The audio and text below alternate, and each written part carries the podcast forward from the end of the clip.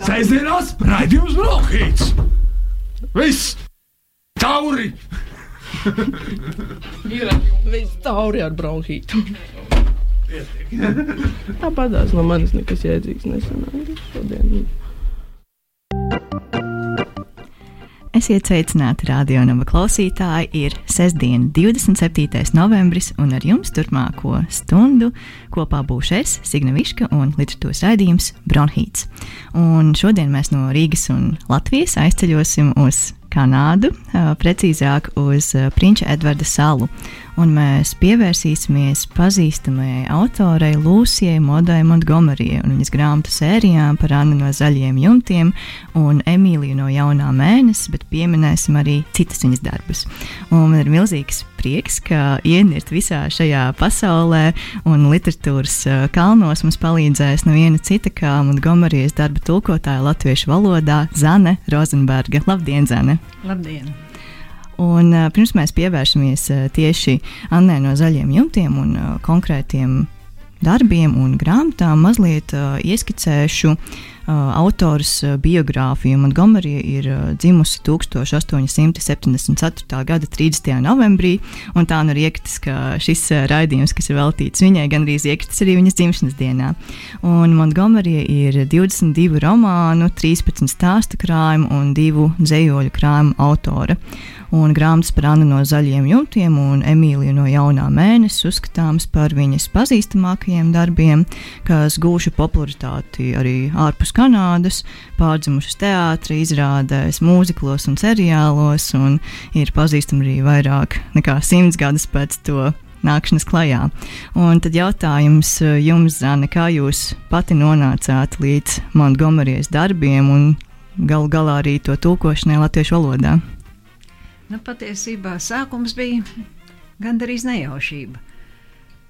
Tuvinieki no Amerikas šad man atveda vai atsūtīja grāmatas, un starp tām bija šī Anna, Anna of Green Gables, angļu valodā. Nu, notika tā, ka tā mani ļoti uzrunāja jau tūlīt. Mm, un lasot, es jau pat brīžiem jūtu tādu kā domu, kā tas skanētu latviešu.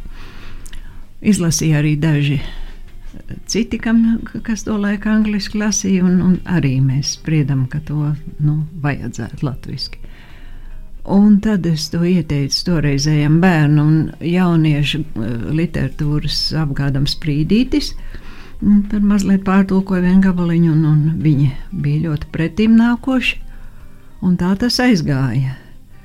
Un vēlāk, tad jau viss nākamās grāmatas, tad jau apgāds pats palīdzēja sagādāt, un tā mēs turpinājām līdz pat um, visām astoņām sērijas grāmatām. Jā, bet tas notika ļoti strauji. Man liekas, Anna no zaļiem jumtiem iznāca 94. gadā, un uh, visas sērijas grāmatas jau bija iznākušas līdz 97. gadam.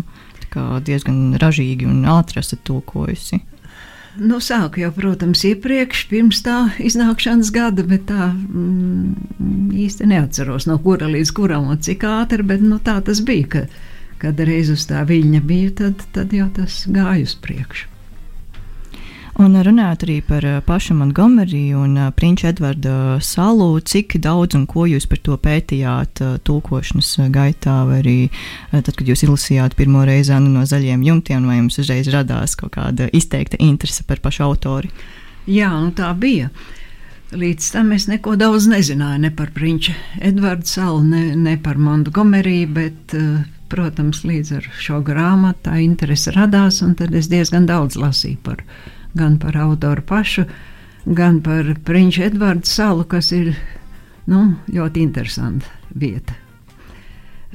Es domāju, ka arī šodien viņi ir samērā savdabīga, lai gan, protams, nav vairs tāda, kā bija pirms 100 un 150 gadiem. Tolaik, kad šie romāni tapa, kad autori viņus rakstīja, tā bija tāda, nu, tāda lauku idille, uh, Eh, ar ļoti skaistu dabu, un tur arī autora guva savus iespējas, jo viņš vai salā ir dzimusi un augusi līdz pat pieaugušam vecumam, mācījusies skolā, un tur viņas veidē, veidojās viņas mīlestība pret grāmatām un, un iztēles saudabīgās spējas. Un, nu, viņa arī mācījās Šarlotaunā, kas ir Prinča Edvarda lielākā pilsēta un galvaspilsēta. Un pēc dažiem gadiem Jaunskotijā mm, atgriezās atkal strādāt par skolotāju salā. Tā kā tur ir ļoti daudz viņas pašas izjūtu, viņas pašas iespaidu. Un šajā sakarā arī bija ļoti interesanti papētīt pašu Prinča Edvarda salu. Tu, pirms tam es daudz nezināju, un laikam jau es neesmu izņēmums, jo es lasīju, ka tad, kad mm, angļu valodā iznāca pirmā šī grāmata, arī diezgan daudzi angļu valodā lasošie lasītāji pat nesot sākumā zinājuši, ka tā ir reāla vieta. Jā, tas bija 1904. 9, gadā. 98. man liekas, mm -hmm. bet nu kaut Jā. kur tur. Un uh, pēc tam jau tad šī sala ieguva lielu popularitāti un, un tieši ar, ar šo pirmo Montgomerijas grāmatu Anna no zaļiem jumtiem. Uh, un uh, pēc tam jau tur izveidojās turisma maršruti, ēkas par godu Annai. Māja, muzejs, pastēk, tur, daudz ko var apskatīt. Un,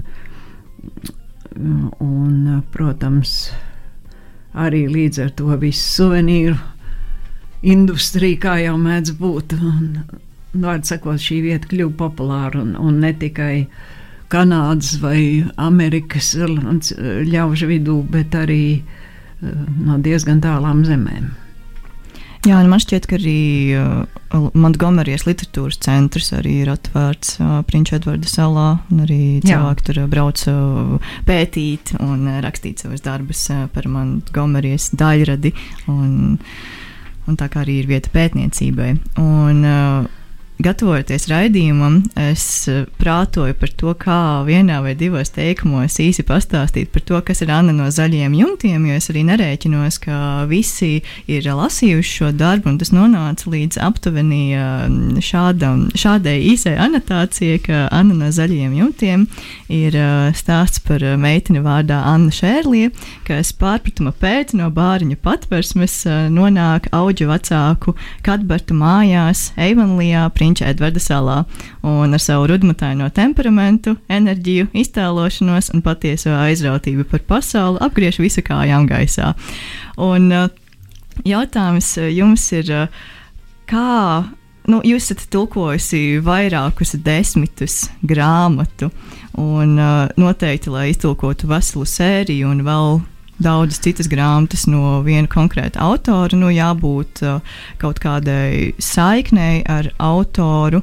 Un uh, jautājums ir, cik uh, augsta, cik augstā vietā jūsu šajā visā tulkojumu plauktiņā atrodas Montgomerijas darbi un kāpēc viņi jums šķitus, šķituši saistoši?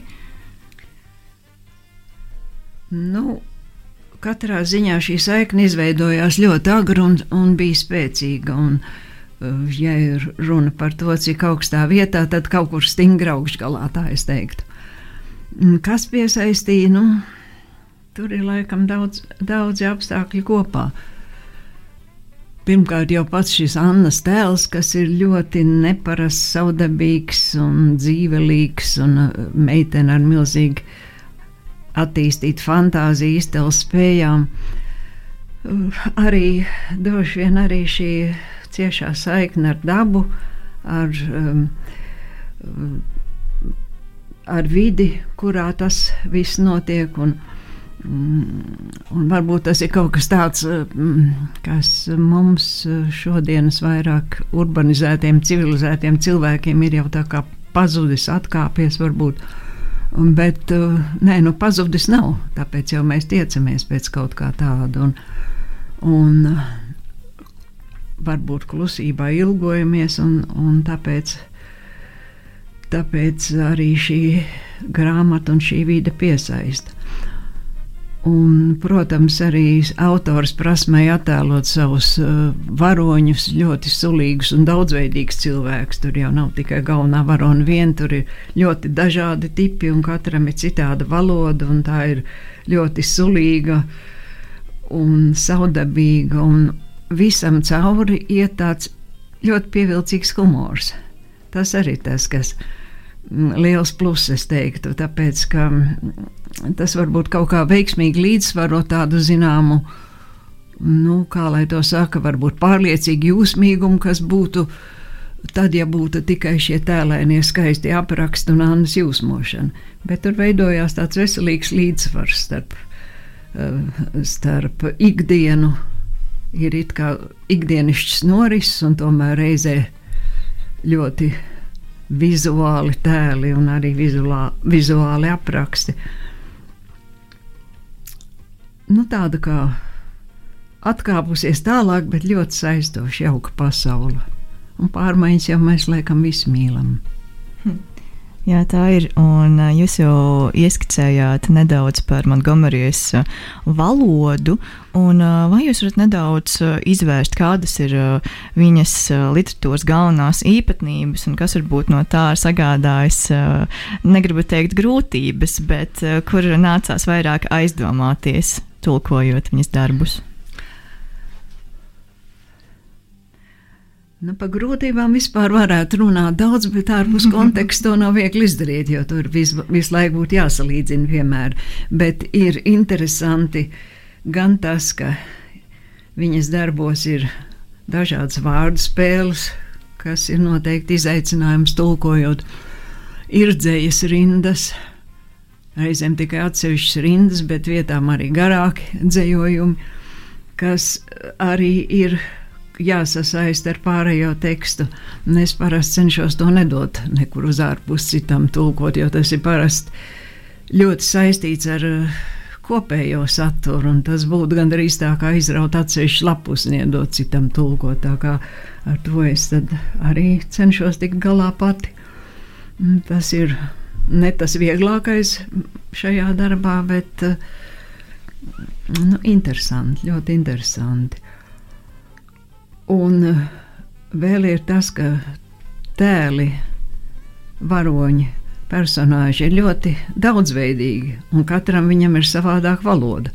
Dialogi ir līdz ar to ļoti dažādi. Vietām ir jāliek akcents uz kaut ko pilnīgi citu, un vietām tas ir jūsmīgums, vietām tas ir pavisam kaut kas pretējs.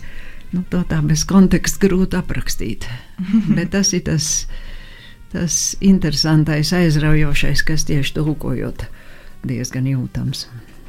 Jā, un vai bija viegli uzreiz uztaustīt to īsto narvu un saslēgties uh, ar uh, viņas valodu? Un vai bija tā, ka nu, jūs iztulkojat, piemēram, pirmo grāmatu, Anna no zaļiem jumtiem, un vai tad, piemēram, bija vieglāk arī tulkot uh, sēriju par Emīliju no jaunā mēnesis?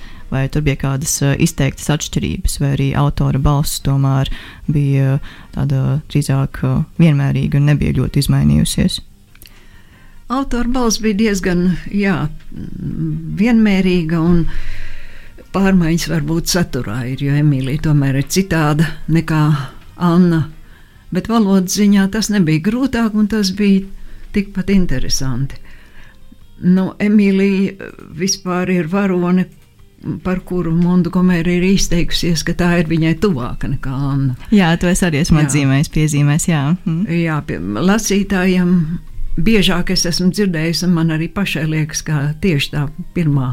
Annas grāmata, Anna no zaļiem jumtiem, tā ir visveiksmīgākā, bet autorei tuvāk tomēr esot bijusi Emīlija.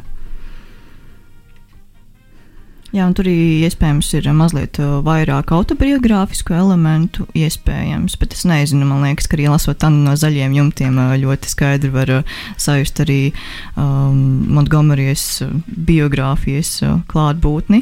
Jā, tā ir. Elementi no viņas dzīves gan vienā, gan otrā, cik es esmu lasījis, un reizēm pat tādi diezgan maznozīmīgi, bet uzjautinoši incidenti, tā kā teiksim, ar to precāpju emulsijas kūku, to viņa pat, pati piedzīvojas, bet um, negluži uz sevi tā kā Anna. Un tur ir tāda epizode, kur Anna uh, gaida viesņu, kas viņai ir ļoti svarīga.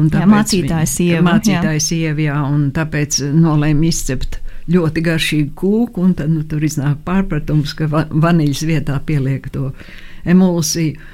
Un tas uh, vēlāk Montgomery piezīmēs raksta, ka tas ir bijis tad, kad viņa uh, strādāja Bidifordas skolā un dzīvoja turienes uh, mācītāju mūžā. Montgomery raksta, kāda diena apburošā nama māte garšvielas vietā nejauši pielika kūkai pretsāpju emulsiju. Nekad neaizmirsīšu kūkas garšu un jautrību, ko tā sacēla jo kļūma atklājās tikai tējas dzeršanas laikā. To vakar ielūgts bija kāds nepazīstams mācītājs, un viņš apēda savu kūkas gabalu līdz pēdējai drupatai. Ko viņš par to domāja, mēs nekad neuzzinājām. to raksta vēlāk Montgomery savā piezīmēs.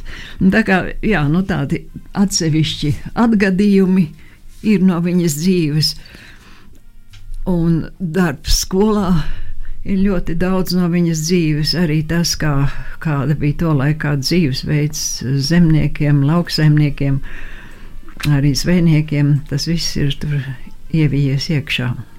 Jā, tam uzreiz arī uh, rodas uh, jautājums, vai interesanti, vai Montgomery arī savas ādas uh, piedzīvoja to, ka viņa netīšām piedzirda savu labāko draugu, domājot, ka viņa dod draudzenei aviņu dzērienu, bet tas patiesībā ir vīns.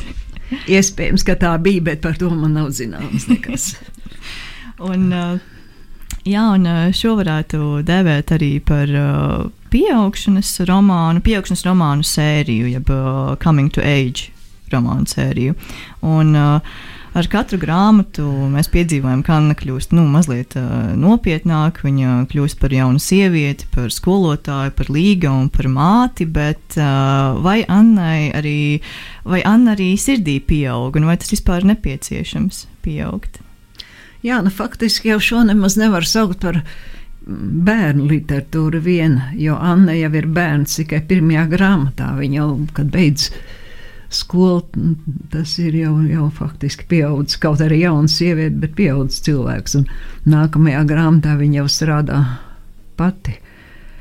Bet eh, šis bērna skatījums uz pasauli, šis uh, savdabīgais redzējums, tas viņā saglabājas. Es domāju, ka tā ir bijis arī grāmatas autorei. Un, nu, to robežu jau grūti noteikt cik mums jāpieaug un cik jāsaglabā, bet eh, es domāju, ka kaut kādā ziņā tas, tas bērnības svaigums, neparastums, tas ir jāsaglabā. Un tā krāšņā iztēle, kas, kas mēdz būt tieši bērniem un jauniem cilvēkiem. Un vai tas varētu būt uh, tas, kādēļ Anna no zaļiem jumtiem lasa joprojām? Kāpēc vispār mūsdienās vēl par viņu runā un kāpēc tā joprojām ir salīdzinoši populāra grāmata, jūsuprāt? Jā, uz to ir grūti atbildēt. Es arī par to daudz esmu domājis, jo tomēr ir pagājis tik daudz gadu. Arī no latviešu tulkojuma iznākšanas jau ir pagājuši 20 vairāk gadu. Un oriģināls ir iznācis vēl krietni senāk. Un, un, jā, mana mazmeita, kurai pašlaik ir 12 gadu, ir izlasījusi visas Annas, un es uh, domāju, kā tas ir ar viņas skatījumu. Bet tā kā viņa izlasīja ne tikai pirmo, bet arī visas pārējās, tad acīm redzot, tā interese bija. Un, kad bija mājasēdes laikā tāds raidījums, uh, ko tu pašlaik lasi, viņi tur piedalījās un izvēlējās tieši fragment no viņa Tas gan nebija no pirmās grāmatas, tas bija no Rīgas grāmatas. Bet tur viņa tā diezgan labi pateica, kas viņu piesaistīs. Dzīvu fantāzija, tas bija viens, kas bija ļoti paticis. Un tas, ka, kā viņa teica, es, jūt, es pilnīgi varēju iejusties viņa sādā. Es domāju, ko es pati būtu darījis tādā situācijā, Es varbūt visu tā nebūtu darījis, es visu nepiekrītu, bet es ļoti labi jūtos tā, kā viņa un kāpēc viņa tā jutās. Tā kā viņa spēja identificēt to ar sevi. Varbūt tas ir viens no iemesliem, ka nevis tik daudz tas veclaicīgais, tur teiksim, dzīvesveids, vai, vai pat morāls uzstādījumi, vai sadzīviskie priekšmeti, bet, bet tas, ka to meitenes būtību var pieņemt šajos laikos tāpat kā agrāk. Jā, Anna ir ļoti patiesa, un man ļoti patīk arī tas, ka tiek parādīts ne tikai tas, ka viņa ir veiksmīga un priecīga, bet tas, ka viņa arī mēdz izgāzties, un ka viņai ir savi pārdzīvojumi, un ka dzīve nav tikai uh, priecīga, ziedoša aleja, un ka apkārt nav tikai uh, mirdzošu ūdeņu uh, ezeri un tā tālāk. Un uh, tas arī padara to visu realistisku un patiesu, un tāpēc ir viegli iejusties. Jā, tas ir lieliski apvienots. Nav, nebūtu nav tikai jaudināšanās un humors, bet tur ir arī diezgan skumjas e- epizodes. Un, un tas viss ir kaut kā organiski ļoti labi sakļāvies. Jā, un mēs arī nedaudz vēlāk sazvanīsimies ar sērijas redaktori Māru Cielēnu, ar kuru jūs kopā strādājat pie tulkojumiem.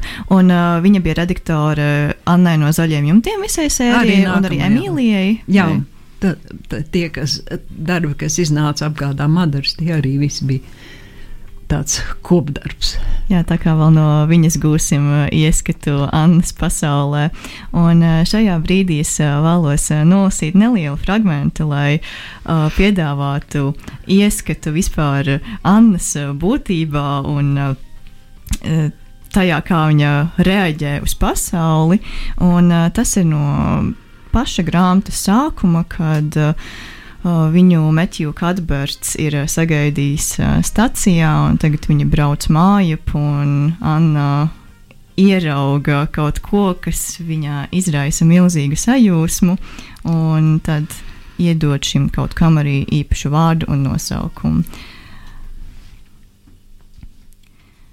Avēnija, kuru tā sauca Ņūbrīdžas iemītnieki, bija 400 vai 500 jardu garš ceļa posms, virs kura pletās blīva jumta velve no milzīgu, plati zarotu ābeļu lapotnēm. Šīs ābeles pirms daudziem gadiem bija iestādījis kāds vecs fermeris, kuru citi uzskatīja par dīvaini. Virs galvas stiepās garš, sniegbaltas, mažīgu ziedu pārklājs. Zem lielajiem zariem valdīja violeta puskrāsla, bet tālu priekšā mirdzēja krāšņa saurieta debesu laukums. Liels sācis lokus katedrālas ejas galā. Šīs vietas skaistums šķita meiteni pilnīgi paralizējama. Viņa izslēdzās taisni, rokas sažņaugusi un cojīsmināto seju pacēlusi augšu pret balto krāšņumu virs galvas. Pat tad, kad viņi jau bija izbraukuši no gatves un pa garo lāzano nogāzi tuvojās Ņūbridžai, meitene joprojām nekustējās un nerunāja ne vārdu. Ar dziļu nopūtu meitene atguvās no sapņiem un paskatījās uz viņu ar aizplīvotu skatienu, kā gars, kas aizklīdis kaut kur tālumā zvaigžņu ceļos. Mister Kadbert, viņa čukstas sacīja, tā vieta, caur kuru mēs braucām, tā baltā vieta, kas tā bija? Mm, Laikam tu domā avēniju.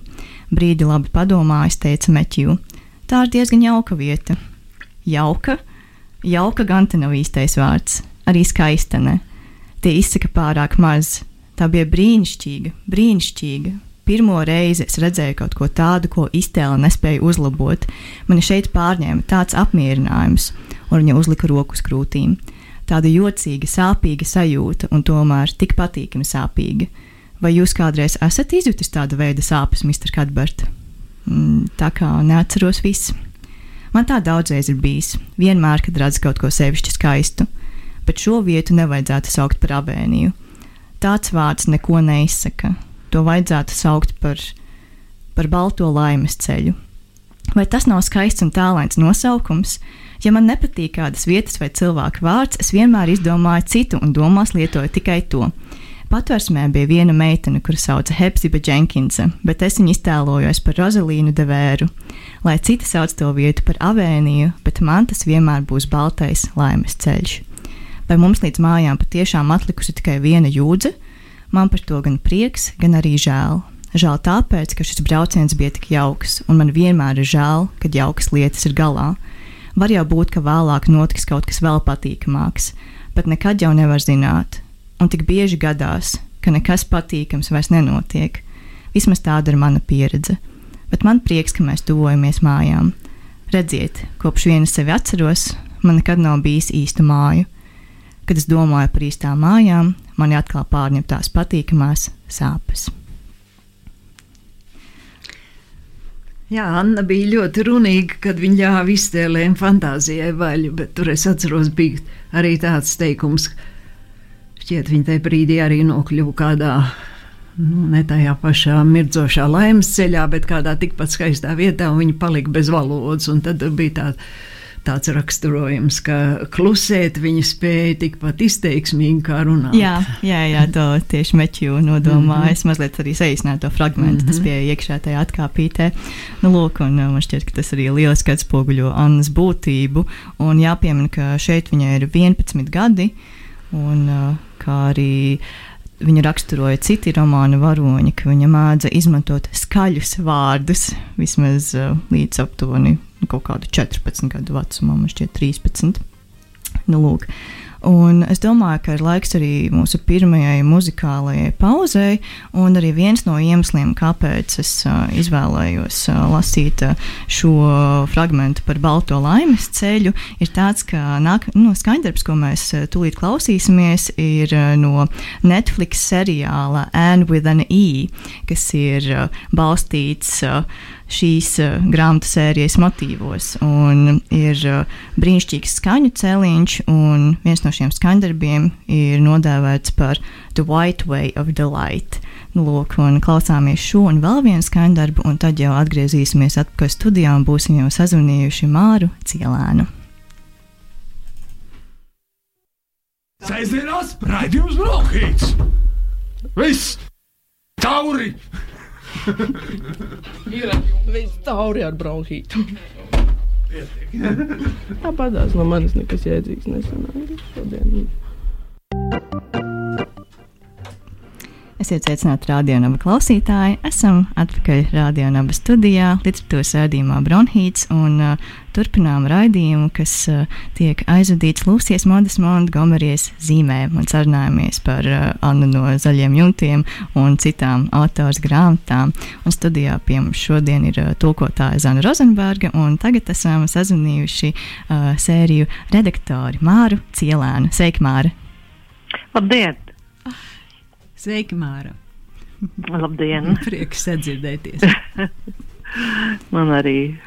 Jā, nu, lūk, prieks tiešām dzirdēt, un prieks, ka šodien ir tas gods runāt par Montgomery un par Annu no zaļiem jumtiem. Un, Māra, tad jautājums uzreiz jums. Kāds bija jūsu pirmais kontakts, pirmā tikšanās ar Annu no zaļiem jumtiem un arī Emīliju no jaunā mēnesis? Un, jā, kāds, ko jums vispār nozīmē šīs sērijas? Uh, es tikai tagad saprotu, cik tas ir bijis sen, gandrīz pirms 30 mm. gadiem. Un, uh, ja ir jārunā par tādiem konkrētiem faktiem, kā tas bija, un, uh, nu, tad man būs grūti kaut ko pateikt. Bet es domāju, ka pie visvainīga laikam tomēr bija Zane Rozenberga, mm -hmm. tūkotāja, kura atnesa un sagādāja. Es šīs, šo autoru pirms tam mm, nepazinu, nezināju šīs grāmatas. Un uh, tad, kad uh, es sāku iepazīt, tad tas bija tāds, uh, nu, kā lai saka, tas bija viens priecīgs laiks, diezgan ilgā laika posmā, jo grāmatu ir daudz, un uh, Montgomerija uh, tiešām rakstīja gan par Annu, gan par, par Džēnu, gan par Emīliju. Un vēl par ko citu, un, un lielu daļu no, tās, no tām grāmatām mēs izdevām. Tā kā pašā sākumā man liekas, tur tā doma varbūt bija, tas bija vēl sprīdīša izdevniecībā sprīdītas, un iespējams, ka tur bija kāda doma par sprīdīšu biblioteku, kas bija tāds liels, milzīgs, fundamentāls uh, sērijas uh, pasākums uh, jau no kādiem stipri iepriekšējiem bet, gadiem, bet laiki bija mainījušies. Un, un, un bija dažādas iz, izdošanai tajā brīdī, varbūt nebija tie labākie laiki. Tagad arī, kad es paņēmu grāmatiņu rokā, ak, tu dieviņ, cik tas papīrs ir pelēks. Tas man pārsteidz, bet tā grāmata manā atmiņā nu, tur nu, nav nekā pelēka. Es neatceros nekādu. Es neatceros burtus, es neatceros uh, rediģēšanas tādu tehniku. Es atceros to, kas ir. Es atceros uh, Prinča Edvarda salu. Es atceros to pasauli, es atceros to uh, Montgomerijas lieliski radīto pasauli. Un tas ir tas labākais. Un uh, varbūt ir kaut kas tāds, ko jūs no šīs pasaules esat paņēmusi līdzi. Negluži, es negribu teikt, varbūt kaut kas tāds, kas ir neatgriezeniski mainījis jūsu dzīvi vai tam līdzīgi, bet varbūt ir kāda uh, detaļa, uz kuru jūs uh, pēc darba ar uh, šīm sērijām raudzījāties mazliet uh, citādāk. Nu, ir nu, diezgan droši vien daudz, kas ir tāds, ko, bet es gribu izstāstīt par vienu ļoti konkrētu uh, lietu, kas ir varbūt diezgan mm, tāda, par ko var pasmaidīt, bet vienā no grāmatām iespējams, ka tas, tā ir Džēna no Lakturkalna, uh, Laterna. Nē, kā nu bija. Lakturkalns, jā, Lakturkalna. Laikam tas ir no turienes. Un, un, un Džēna uh, jūrmalā uh, savāca uh, jūras izskalotos kokus, lai skatītos, vai uh, un veda uz to vietu, kur viņi dzīvoja, kaut kur tālāk no jūras, kā nu tur tas bija. Viņa, viņa zināja, ka kamīnā šie koki degs ar gaišu zilu liesmu.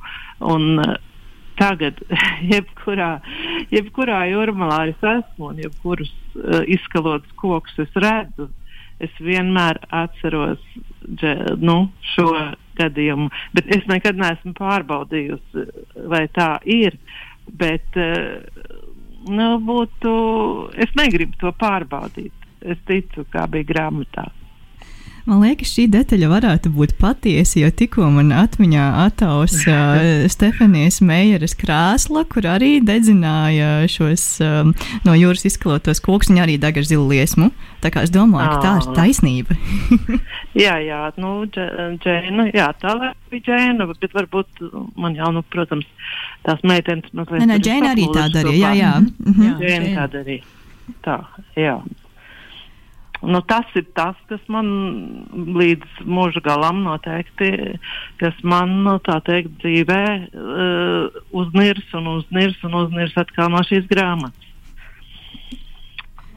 Jā, ļoti daudz tādu detaļu, kas tiešām aizķeras. Un, uh, mēs jau ar uh, Zani arī iepriekš rādījumā runājām par uh, to, kas. Uh, Anna no zaļiem jumtiem un citus darbus uh, padara aktuālus joprojām, bet kā šķiet jums, kāpēc arī mūsdienās joprojām lasa Anna no zaļiem jumtiem? Es domāju, protams, rakstnieks ir uh, talantīga rakstniece. Rakstniece prot stāstīt, viņi ir stāstītāji. Bet uh, tas, ka tas nav tāds nu, pliks stāsts, bet ir ļoti svarīgi, ka viņi ir, viņa ir um, pratusi izveidot savu pasauli.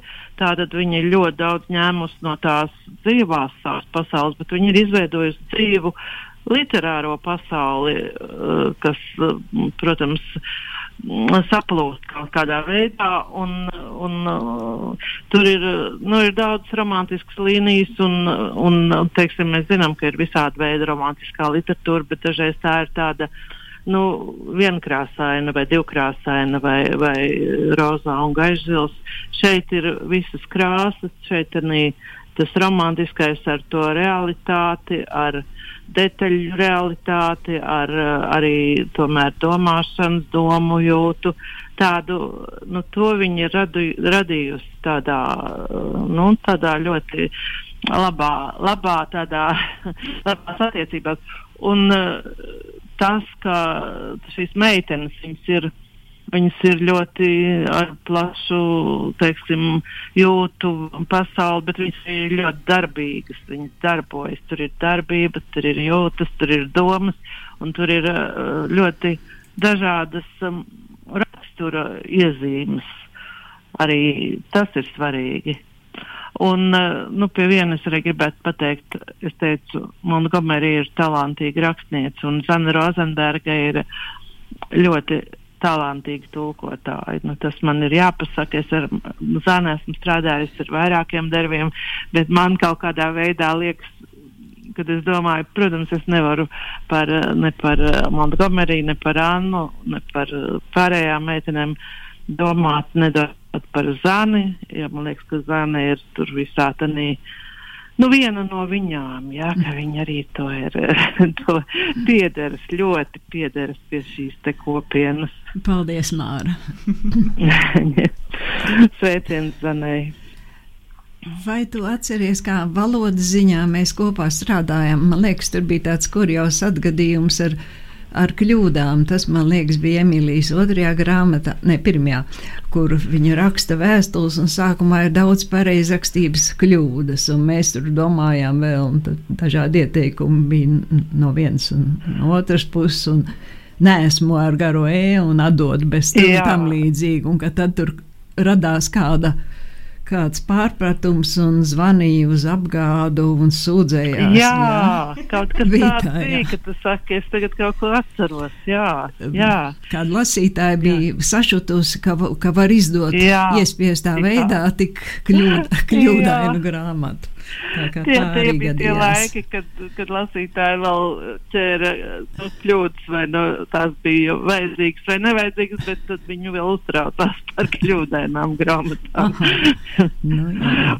bet vai tu atceries, uh, es tagad nevaru, atkal, nu, man jau tā atmiņa tāda, vai tu atceries ar kādu, kādu stibu sit vismaigāk? Tur nebija vismaigāk, visstiprāk. Tur runā laikam par zilo pili, jā? À, tā bija jau zila. Tur bija tas tēvots Benjamins, kas visu jā, laiku laida tās savas smieklīgās mīklas, un tās, jā. tās bija latviski, protams, jātais citādi. Jā, es jā. tieši arī, kad gatavojos redzējumu, es atzīmēju jautājumu par vārdu spēlēm. Es atceros, ka tieši zilajā pilī bija daudz kalambūru, un es lasīju pirms latviešu, un es domāju, interesanti, kas bija oriģinālā. Jā, bet tur zāle bija tikusi galā. Man tur vispār nu, tas bija vienkārši jāsaka apbrīnojami, jo zinu, šīs lietas vienmēr ir grūti. Dažreiz ir bijis tā, ka nu, kāds tulkotājs vai autors saka, nu, nu, re redaktorei, vai ne? Nu, nu, palīdz, ja, vai tiec ar to galā. Es netieku, bet zāle bija tur ar to mīlestību mīlestība tā bija. Tas bija tas, tāpēc, ka tur tajā vietā bija svarīga ne tikai uh, vārdu spēle vārdos, bet arī rakstība, Jā. ko redz tad, kad lasa un redz tieši to drukāto ah. vārdu. Un tur Jā. bija, tur viņam tas jociņš bija uh, what to ages, kādi, kādi uh, divi. Uh, ages, nu, laikmeta vecumi um, jā, ir, jā. ir maldīgi, iluzori un uh, Viņa, viņa paša atbild bija mir, svītriņa, age. Jā, raksta mir, jā. age, and marriage, mari. Age, tā kā tur tas ah, age, age jā, ir abos, jā, jā, abās jā, jā. gadījumos, un, un Valencija tur viņu izlaboja, ka, uh, ka to mirage tomēr izrunā mirāžu. Un tad Jā. toreiz tā mēģināja saglabāt, ka lai kaut kāda kļūda būtu, un tad tas variants bija kāda stiba per vissaldāk, Un viņš atbild mīlestība. Un tad viņi jā. tur izlabo viņu, ka mīlestība garo ī. Un tāds jā. tur bija tas.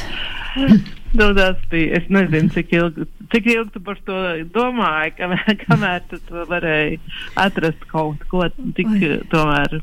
Kas jā. to es atcerās? Dažreiz jau ir tā, ka uzreiz kaut kas labs ienāk prātā, kādreiz ilgi jādomā, bet tas ir vispār interesants process. Nu jā. Nu, jā. Nu, lūk, man Jā. prieks, ka mēs, mēs esam arī uh, nonākuši līdz uh, vārdu spēlēm un uh, līdz uh, konkrētiem gadījumiem, kas ir uh, bijuši šo romānu tulkošanā un uh, rediģēšanā un izdošanā. Tiešām interesanti uh, iepazīties ar šīm aizkulisēm, kas ir bijušas.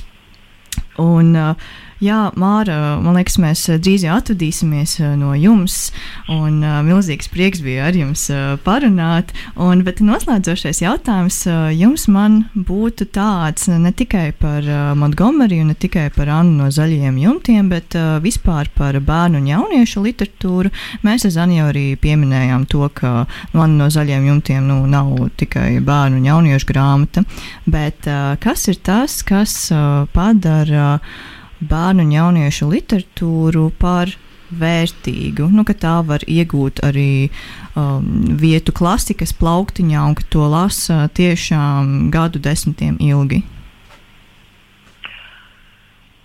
Nu, tā jau īsi jau to, kā lai saka, pateikt to to varētu vienā teikumā, ka pirmkārt bērnu un jauniešu literatūrai ir jābūt uh, literatūrai, vai ne? Tas, ne, tās nav tikai, tikai kaut kādas, kaut kādas grāmatas ar domu, ka tā ir grāmata, bet, bet tā ir literatūra. Un kas to padara? Nu, nu, no varoņiem, kam ir tomēr tāda bērn, nu, tam, tam varonim ja, ir jāved līdzi tas lasītājs, tas bērns, nu, ir, ir jāsaista, ir, ir tātad jābūt ir ar kaut ko interesantam, un, un, bet, bet ne tikai interesantam, bet arī, arī dziļam.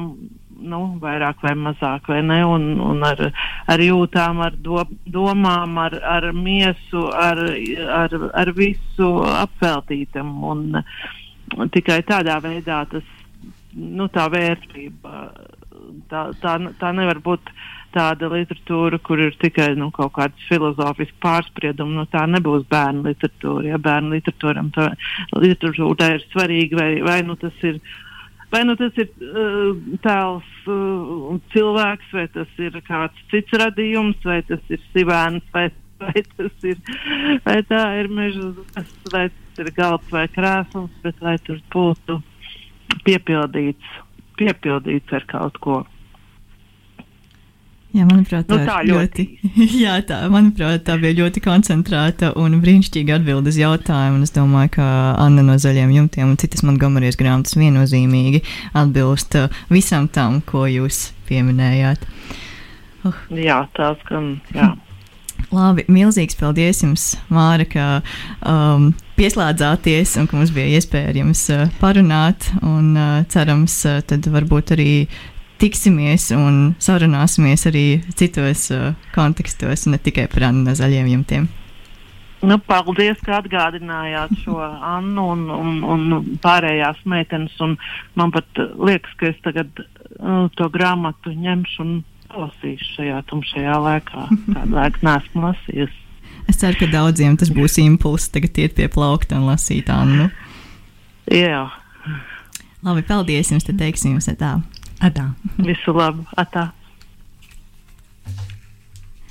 Nu, lūk, tā bija Māra Cielēna, rakstniece un Annas no zaļiem jumtiem sērijas redaktore. Un ne tikai šīs sērijas redaktore, bet arī daudzu citu grāmatu redaktore.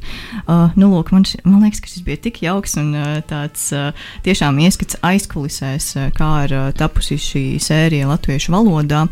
Un, uh, mēs uh, ar uh, Zani arī aizkadrā mazliet ieminējāmies par to, ka uh, jā, šī grāmata pirmo reizi nākus klajā 1994. gadā, un pēc tam to arī no jauna izdeva zvaigzne ABC.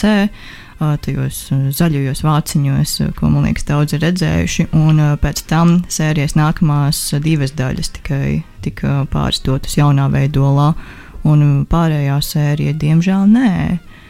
Un es nezinu, kā lai paskabina izdevniecība, lai kaut kas tiek darīts lietas labā, jo šīs grāmatas patiesībā nav tik viegli dabūjamas vairs, nu tikai bibliotekās pārsvarā.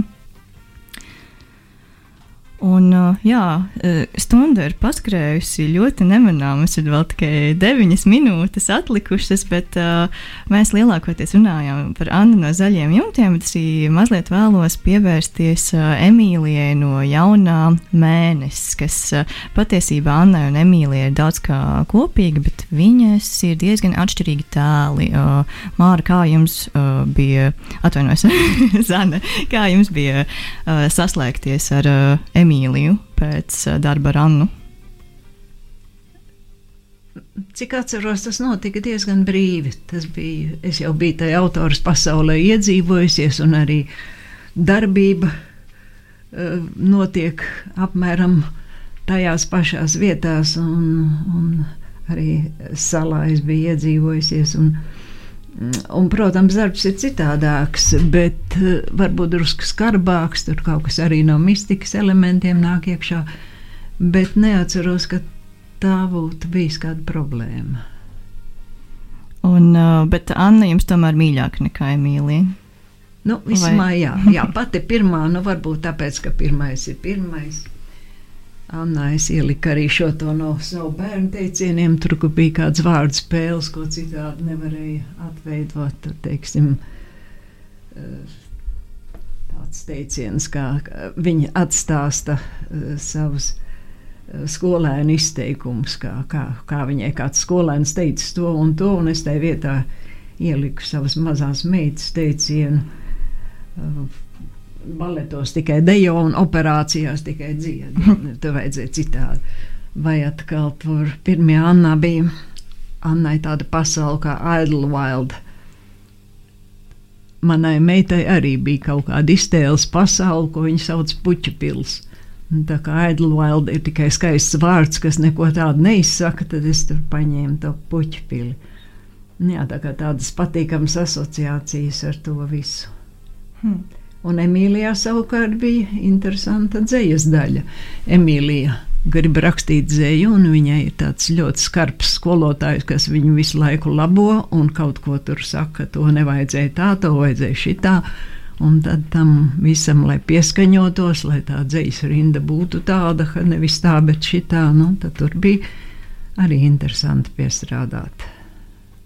Es šodien tieši pārlasīju tā skolotāja nāves ainu, un pēdējā vārdi, ko viņš teica Emīlijai, bija uzmanies no kursīviem.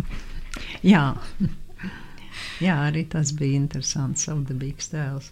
Jā, un runājot par Annu un Emīliju, kaut arī viņas ir diezgan atšķirīgas, man šķiet, kopīgais ir tas, ka viņas savā ziņā ir tādi kā rīkstkoži. Viņas spēja tiešām atvērt tādus noslēgtus un varbūt ne gluži nīgrus, bet mazliet drūmākus cilvēkus. Tad viņi atveras un arī vairāk sarunājas. Un, nu, redz pasauli mazliet uh, citādāk. Un vai to pašu varētu teikt arī par Montgomerijas grāmatām, ka tās savā ziņā atver lasītāju? Jā, es domāju, ka noteikti tā ir. Tas pats savdabīgais redzējums, tas tur ir. Jā, un es domāju, ka mēs tad drīzumā jau atvadīsimies, un uh, raidījuma izskaņā vai ir kaut kas tāds, ko es nepajautāju, bet ko jūs noteikti gribētu vēl pastāstīt par Annu vai Emīliju vai Montgomeriju vai vispār par šo visu tulkošanas ceļu. Diezgan interesanti man bija iepazīties ar Prinča Edvardu salu tādā nozīmē, ka tā kādreiz bija gluži tāda kā atsevišķa valstība, un varbūt tāpēc arī tā kļuva par tādu rakstnieces eh, tēlu vidi. Viņai gan arī visi darbi, nu, negluži visi, bet lielākā daļa darbi ir um, Ed, eh, Prinča Edvarda salas vidē. Un eh, tā bija tāda kā salinieku atsevišķa valstība. Tas arī grāmatās parādās, ka, ka viņi dalās cilvēki no salas un tie, kas nav salas. Un, Um, tas viss tā bija līdz tilta uzbūvēi. 97. gadā šķiet, tas bija, kad uzbūvēja tā saucamo konfederācijas tiltu, jo iepriekš bija satiksme tikai ar prāmi. Un tad nesen lasīju, ka vēl tagad salinieki kaut arī atzīst, ka, ka bija labi un vajadzīgs tas tilts bija, bet tomēr, tas ir ļoti mainījis dzīvi. Uh, tāda nostalģija pēc prāmja, kā mēs tur stāvējām, skatījāmies, kā tas prāmis tuvojas, kā, kāda atgriešanās, ka tā ir atgriešanās mājās, tā kaut kāda tāda daļa no identitātes. Tas tā interesanti salīdzināt. Un tas, ka viņi ir salas cilvēki, tas nozīmē, ka viņi citu citu pazīst. Un tas arī parādās uh, grāmatas tēlu domāšanas veidā diezgan diezgan daudziem no tēliem. Tolaik jau pat tad, kad uh, eh, Prinčs Edvards Salu pievienojās Kanādai, tas notika vēlāk par citām teritorijām. Tad pat tāds joks bija pazīstams, ka, ka Prinčs Edvards Salas cilvēku uzskatīja, ka Kanāda pievienojas viņiem. Hmm. Tā kā tāda ļoti savdabīgi izolēta pasaule, kurā varbūt arī var rasties tāda savdabīgi un krāšņas iztēles pārņemti tā, cilvēki un notikumi. Nu jā, tāds iespējas tiešām ir radies, jo tiešām, man liekas, lielākā daļa vai pat uh, visi tēli, ko radījusi Montgomery, viņi ir Prinča Edvarda salā. Nu, Jā.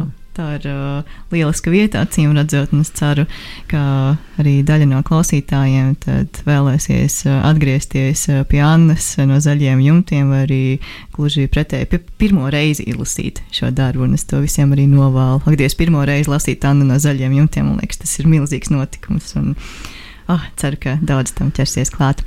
Oh, labi, Zana, milzīgs paldies jums, ka jūs veltījāt šo pēcpusdienu radio naba un ka runājāt un ka iepazīstinājāt tik uh, tiešām, tiešām vispusīgi ar šo rakstnieci un ar šo romānu sēriju. Paldies jums liels! Paldies! Un tad nu, mēs atvadīsimies, un nākamnedēļ jau būsim, ne aiznākamnedēļ būsim atkal studijā mēs eh, ar Edvardu Kuku un sarunāsimies par Annas auziņas uh, debiju prozā. Bet pagaidām vēlēšu jums brīnišķīgu nedēļas nogali, lasiet Annu no zaļiem jumtiem, un tad sadzirdēšanos pēc divām nedēļām. Atā!